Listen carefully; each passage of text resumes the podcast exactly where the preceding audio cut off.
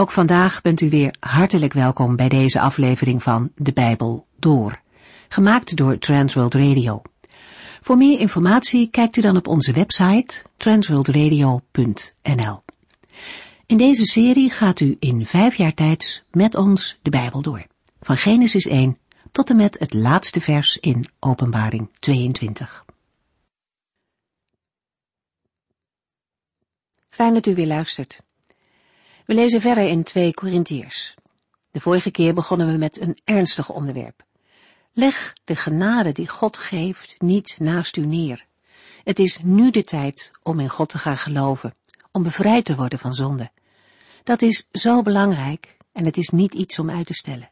Niemand van ons weet immers hoeveel tijd hij of zij krijgt in dit leven. Het goede moment om die keuze te maken, dat is nu. Dit is de tijd van genade die God geeft. Het is ook de tijd om die boodschap door te geven. De Heere God wil ook in uw eigen omgeving u daarvoor gebruiken. Net zoals hij dat vroeger met Paulus deed. En daarom is ook ons gedrag belangrijk. Paulus zegt dat hij niet wil dat mensen vanwege zijn levensstijl niet tot geloof zouden komen. Hij doet er alles aan om anderen niet in de weg te staan. Paulus is niet in de eerste plaats uit op een prettig leven voor zichzelf, maar hij wil in alles dienstbaar zijn, zodat mensen de weg naar God vinden. En dat is ook in deze tijd een voorbeeld. Weet u, ook nu mogen we alles inzetten om Gods liefde bekend te maken, in woorden, maar soms ook veelal in daden. Paulus geeft aan hoeveel hij verdragen heeft ter wille van het evangelie. Lijden, maar ook hard werken en slapeloze nachten. Hij heeft het allemaal met veel geduld doorstaan en niet zijn eigen belang of een makkelijke weg gezocht. Paulus kon het zeggen, ik blijf de Heere trouw, ongeacht wat mensen daarvan vinden. Of ze nu kritiek hebben of ons hoogachten, ik blijf bij Christus. Paulus stond stevig op het vaste fundament van Jezus Christus.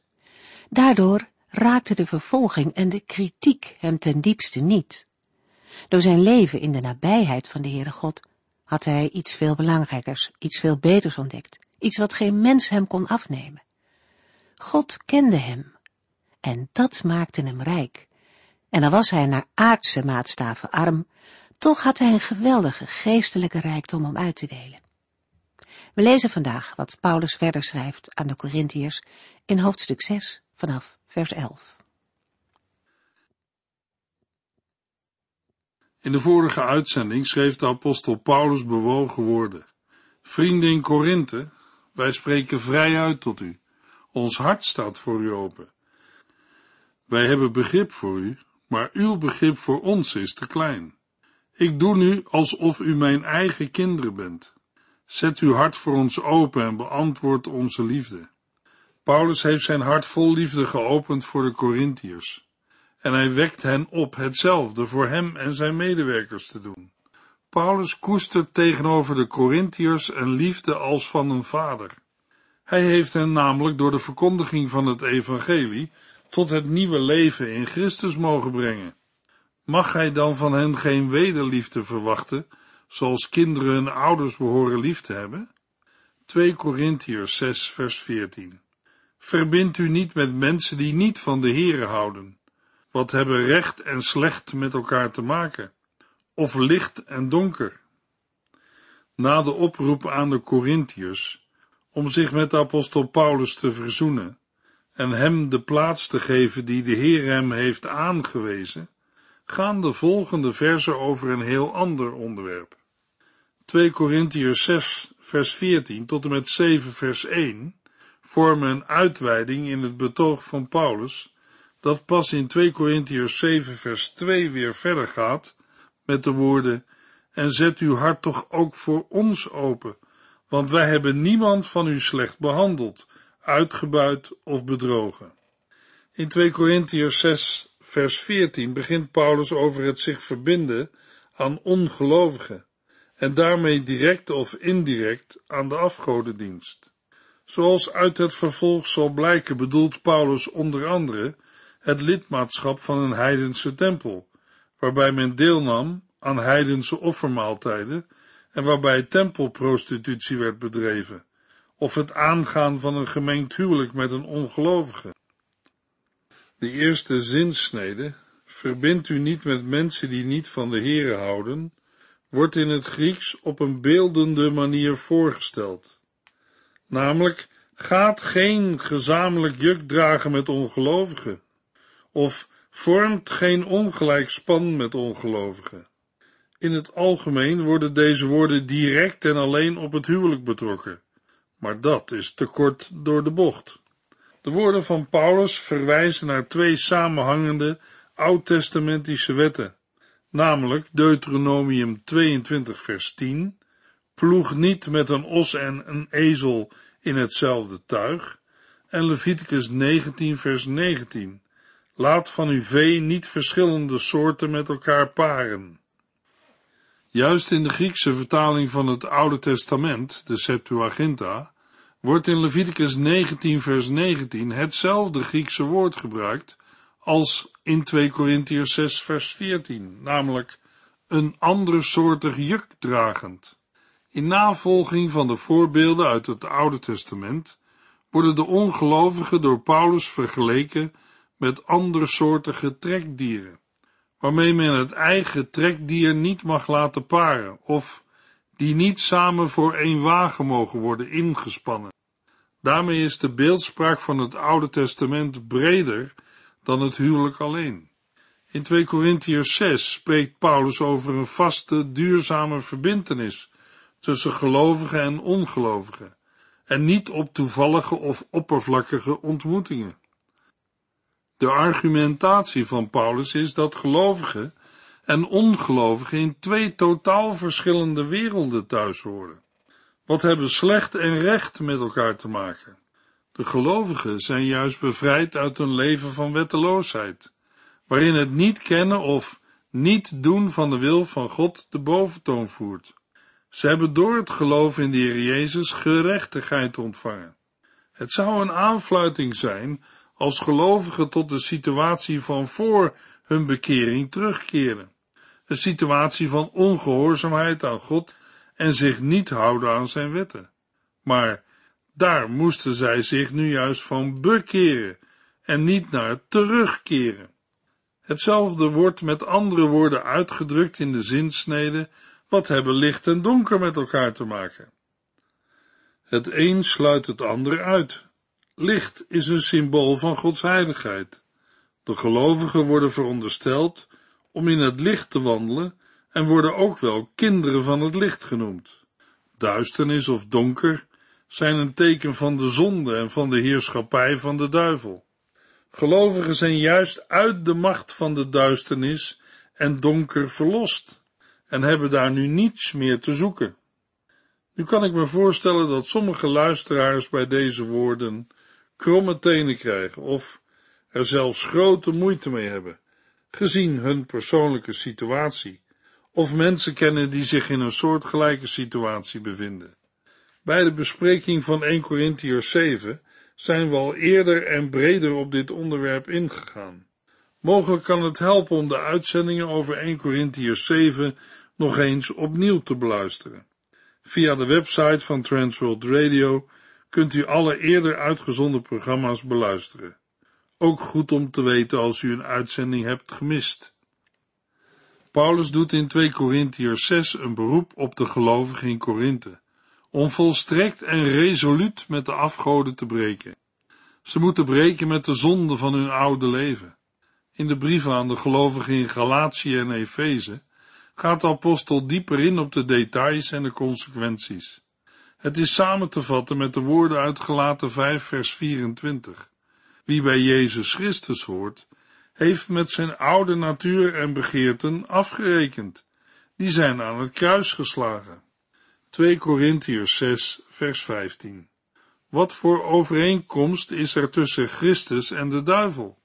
En wat voor gemeenschappelijks heeft een gelovige met iemand die niets van Christus wil weten? Gelovigen zijn dienaren van Christus. Dat zijn ongelovigen niet.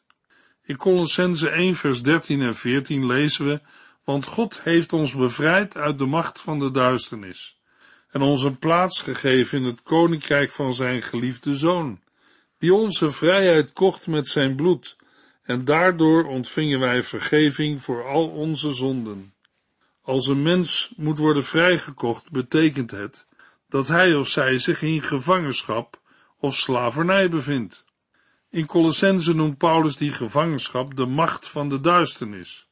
Of een mens het nu wil toegeven of niet, van nature leven alle mensen onder de macht van de duisternis, onder de heerschappij van de duivel.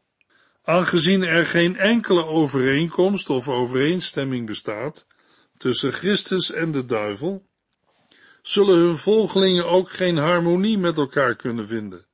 Daarom kan een keuze voor een band voor het leven tussen een gelovige en ongelovige geen stand houden. Daarbij moeten de genoemde situaties en instructies in 1 Corinthiërs 7 niet worden vergeten. Daarnaast is niet uitgesloten dat de Heer in zijn grote genade een ongelovige man of vrouw kan veranderen in een gelovige man of vrouw. Maar dat mag bij het aangaan van een huwelijk en in het licht van 2 Corinthiërs 6 vers 14 geen uitgangspunt zijn. 2 Corinthiërs 6 vers 16 Wat voor eenheid kan er bestaan tussen Gods tempel en die van de valse goden? Ja, wij zijn de tempel van de levende God, die heeft gezegd, ik zal bij hen wonen en bij hen zijn. Ik zal hun God zijn en zij zullen mijn volk zijn.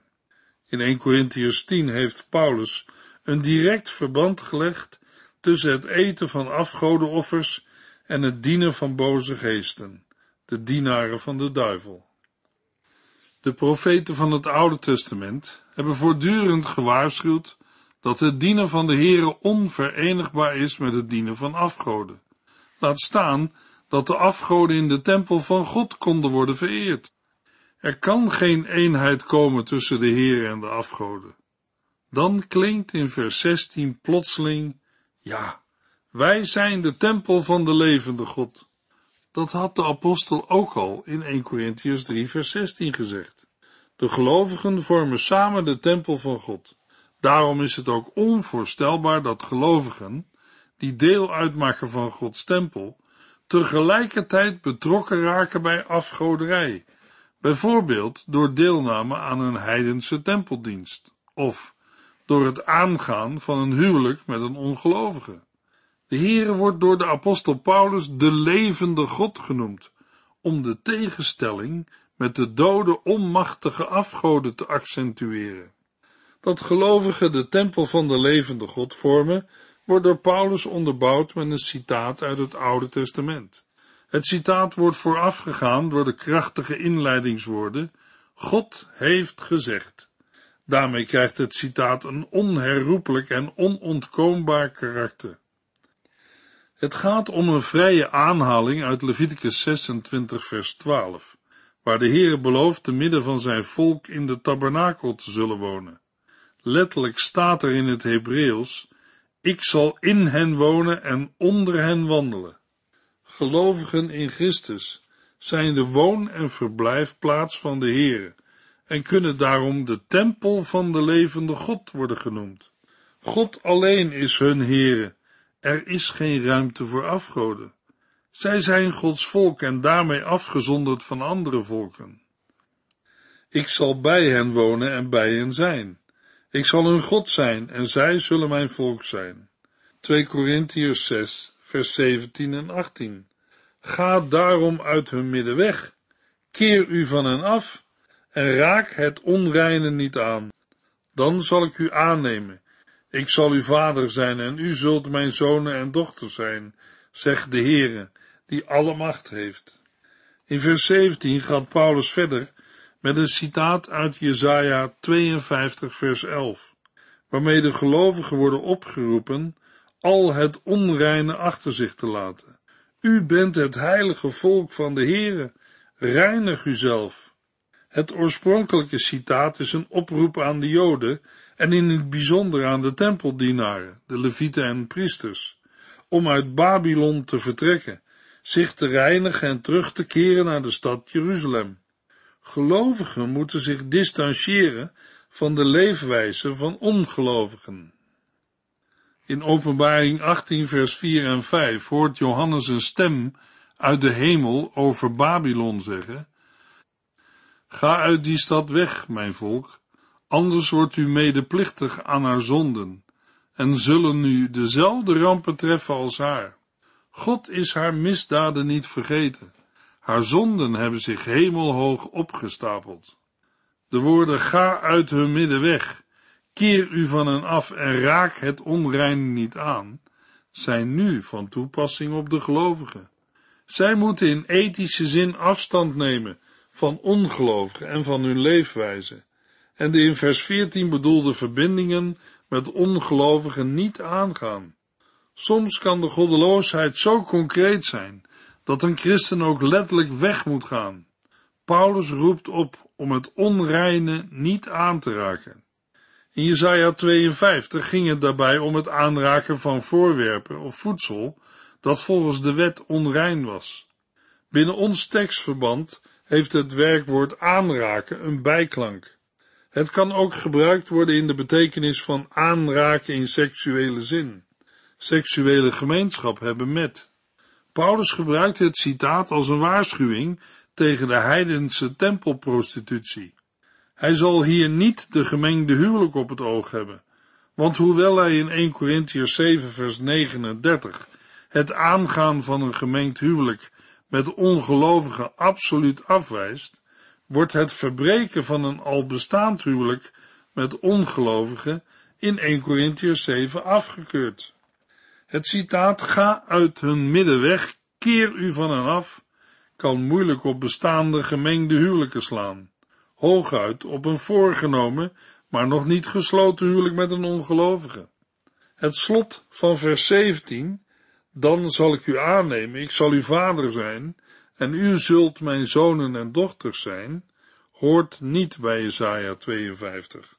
De woorden zijn een aanvulling en mogelijk ontleend aan Ezekiel 20, waar de terugkeer van Israël uit Babel ook aan de orde is. De levensstijl van christenen is altijd een belangrijk aspect bij de verkondiging van het evangelie. Prachtige woorden en een belabberde levensstijl botsen op elkaar en maken het getuigenis van een christen ongeloofwaardig. Het is voor een gelovige goed om zich dat te realiseren. Laten we daarbij vooral de kleine dingen niet vergeten. Een gelovige kan resoluut en kordaat dingen nalaten, maar onze tong kan de gemeenste roddels en woorden produceren, die zeker in de categorie onrein en ontoelaatbaar horen. In Spreuken 21 vers 23 lezen we, wie zijn mond en tong in bedwang houdt, vrijwaart zich van problemen. Verstandige mensen zijn zorgvuldig in het kiezen van woorden en proberen niet heethoofdig, loslippig en onnadenkend te zijn. Ze weten dat een verkeerd woord op de verkeerde plaats in grote problemen kan brengen. Er zomaar even wat uitflappen kan anderen pijn doen.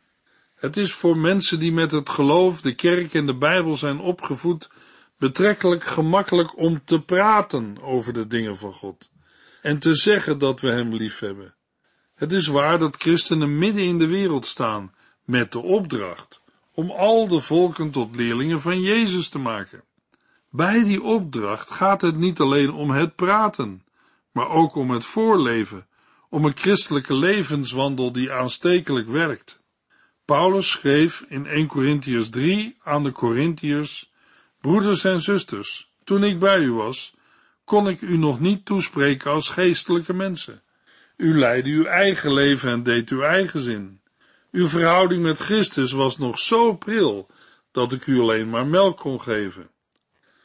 Vast voedsel was te zwaar voor u, en dat is helaas nog steeds het geval. Ook nu wordt u door uw eigen verlangens beheerst. Want als u jaloers bent en elkaar niet kunt verdragen, wordt u blijkbaar nog door uw eigen verlangens beheerst. Dan bent u net als de ongelovige mensen. Paulus schrijft aan de Corinthiërs in vers 17 en 18, Ga daarom uit hun midden weg, keer u van hen af en raak het onreine niet aan. Dan zal ik u aannemen. Ik zal uw vader zijn en u zult mijn zonen en dochters zijn, zegt de Heere die alle macht heeft. Degene die zich afzonderen van het heidendom, zal God aannemen. Dit aannemen krijgt de vorm van een relatie als die van een vader met zijn kinderen. Paulus citeert opnieuw uit het Oude Testament, uit 2 Samuel 7 vers 14, waar we lezen, ik zal zijn vader zijn en hij zal mijn zoon zijn. De manier waarop Paulus citeert is echter zo vrij dat Paulus in de geest van de profeet Nathan de oorspronkelijke woorden uitbreidt en ze een ruimere betekenis geeft. Bij de profetie van Nathan in 2 Samuel 7 gaat het om een messiaanse belofte aan David. In het verlengde daarvan is deze belofte ook van toepassing op iedereen die bij de Messias bij Christus hoort. Paulus voegt voor de duidelijkheid het woord dochters aan de profetie toe, omdat de belofte evenzo geldt voor de zusters in de gemeente.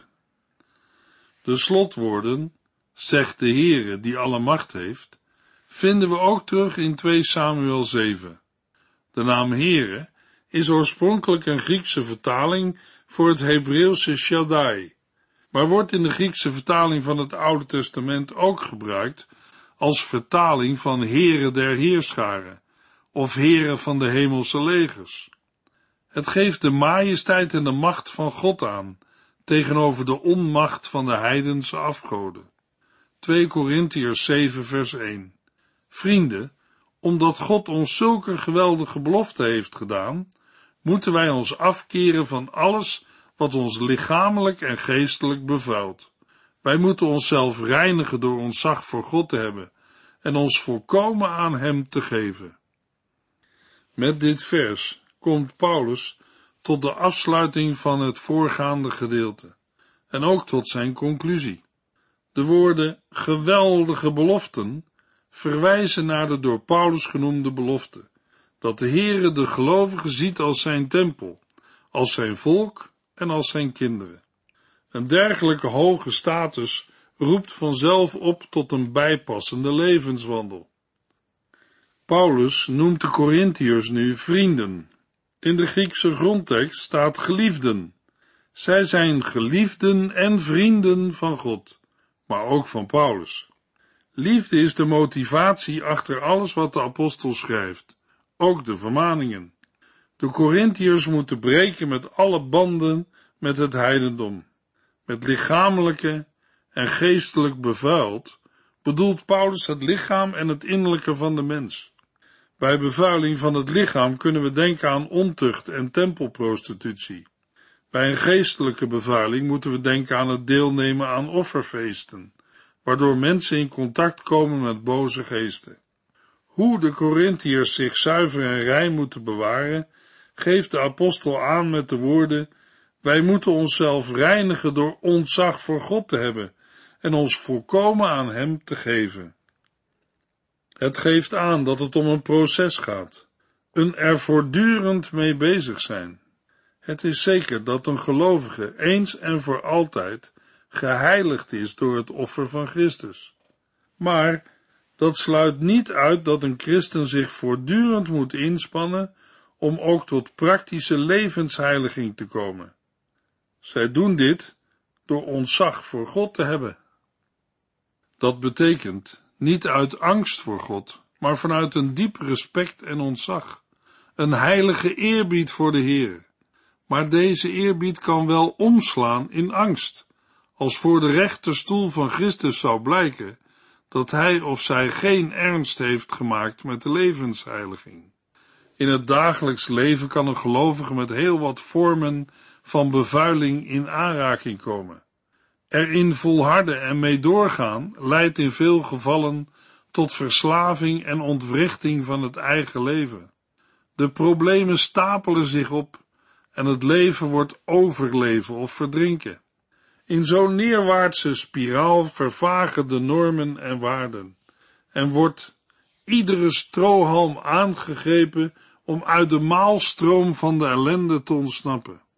In zo'n situatie kan een mens met Paulus uitroepen: Wat mijn verstand wil en mijn lichaam doet, is altijd in strijd met elkaar. De zonde leeft in mijn lichaam.